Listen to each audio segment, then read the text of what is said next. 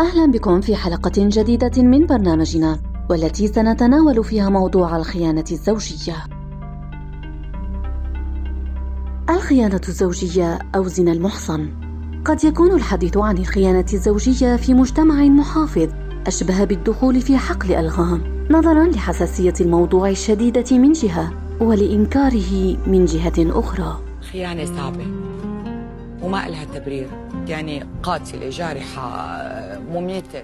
لما للمجتمع من مبادئ دينية تحفظ عليه سلوكه وتجنبه الخطيئة والرذيلة إلا أننا لا ننكر وجود بعض الحالات على قلتها والتي كان لابد من تناولها بالجانب العلمي والنفسي للوقوف على أسبابها وكيفية تجنبها. يعرف الدكتور طارق الحبيب الخيانة الزوجية. الخيانة عمل قذر في ظني. تماما أكيد. وهو قذارة كبيرة وهو خيانة للإنسان لربه ابتداء ثم لذاته ثانيا ثم لزوجته ثالثا. وليس كما يظنها الزوجات أن خيانة للزوجة فهذا حق لله ثم حق لذلك الإنسان وثم ثالثا هو حق لتلك الزوجة. ولا تنحصر الخيانة بشكل واحد فهناك أنواع كثيرة للخيانة منها الخيانة العاطفية. تلك التي تعني وجود علاقة غير شرعية خارج إطار الزواج سواء أكانت عن طريق مراسلات غرامية أو عبارة عن تواصل عبر مكالمات هاتفية أو لقاءات ذات أهداف غرامية أو ما يترتب عليها من مشاعر جنسية وعلاقات عاطفية. حتى إن لم تصل العلاقة لدرجة الاتصال الجنسي فالخيانة العاطفية تعد أولى الخطوات للانسياق نحو الخيانة الجسدية. على قد ما كانت محبتك كبيرة بقلبي قد ما كانت خيانتك لإلي صعبة ومع الانفتاح العالمي وثورة الاتصالات تعددت وسائل وصور الخيانة الزوجية فبرامج التواصل ومواقع التعارف على شبكة الإنترنت وسعت دائرة الخيانة إلى الجنس الصوتي وحتى المرئي. ولقد ساهم سوء استعمال الإنترنت ومواقع التواصل الاجتماعي من مكوث لساعات طويلة خلف شاشات الحاسوب واللجوء لغرف الدردشة ساهم بشكل كبير في ازدياد فجوة التوتر في العلاقة بين الزوجين حيث قد يصل الأمر إلى تجاوز ما تسمح به قيم وعادات المجتمع العربي. ويندرج ذلك تحت ما يسمى بالخيانة الإلكترونية ما يهدد الاستقرار الأسري ويهدم الروابط بين أفرادها. الخيانة هي أبشع شي بالكون. ما في شي بيوجع قدها صدقيني يتسم فعل الخيانة بالسرية، لكن غالبا ما تكون علامات الخيانة بادية على الشريك عن طريق اللامبالاة والصد الدائم والرفض، كذا العزلة والمبالغة في السرية سواء في هاتفه أو في حساباته على الإنترنت.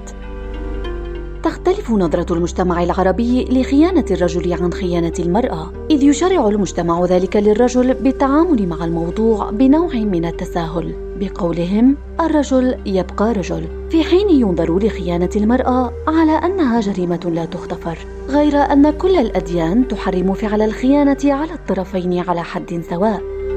بما في ذلك الدين الإسلامي والذي وضع نفس عقوبة الخيانة الزوجية للمحصن وهي الرجم حتى الموت للطرفين. ولقد حددها بشروط صارمة حال ثبوت الجريمة في حالة التلبس وبأربع شهود.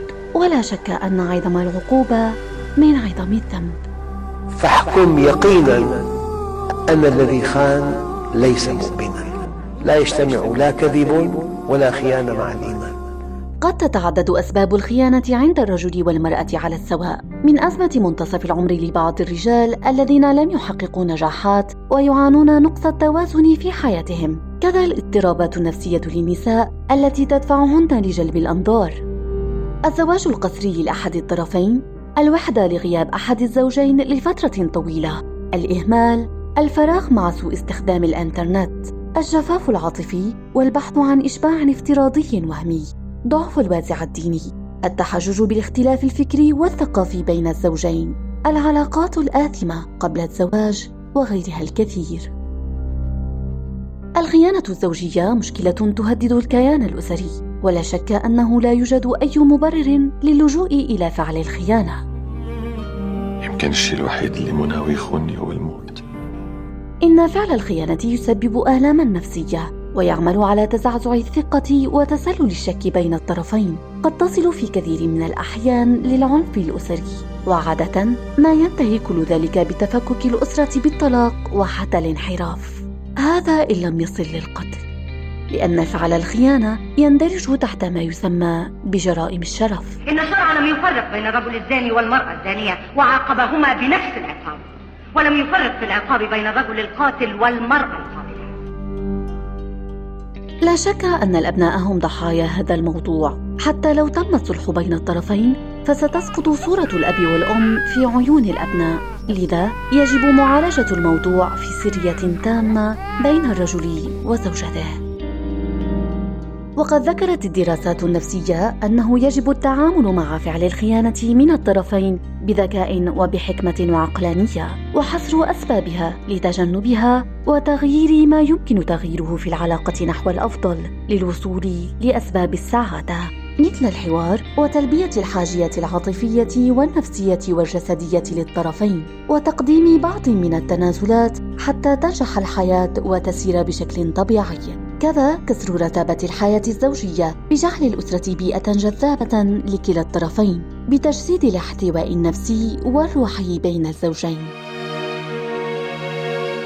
الخيانة الزوجية غدر ونقض لعهد الوفاء هي كسر للقلب وطعنة في الظهر وإخلال لأسمى روابط الحب والإنسانية هي أن تهدر مشاعر في غير موضعها الصحيح كأن تكون في المكان الخطأ والوقت الخطأ مع الشخص الخطأ.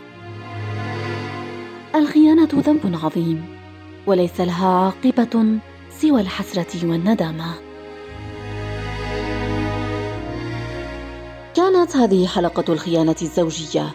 نلتقي في موضوع جديد عن الشذوذ أو ما يسمى بالمثلية الجنسية.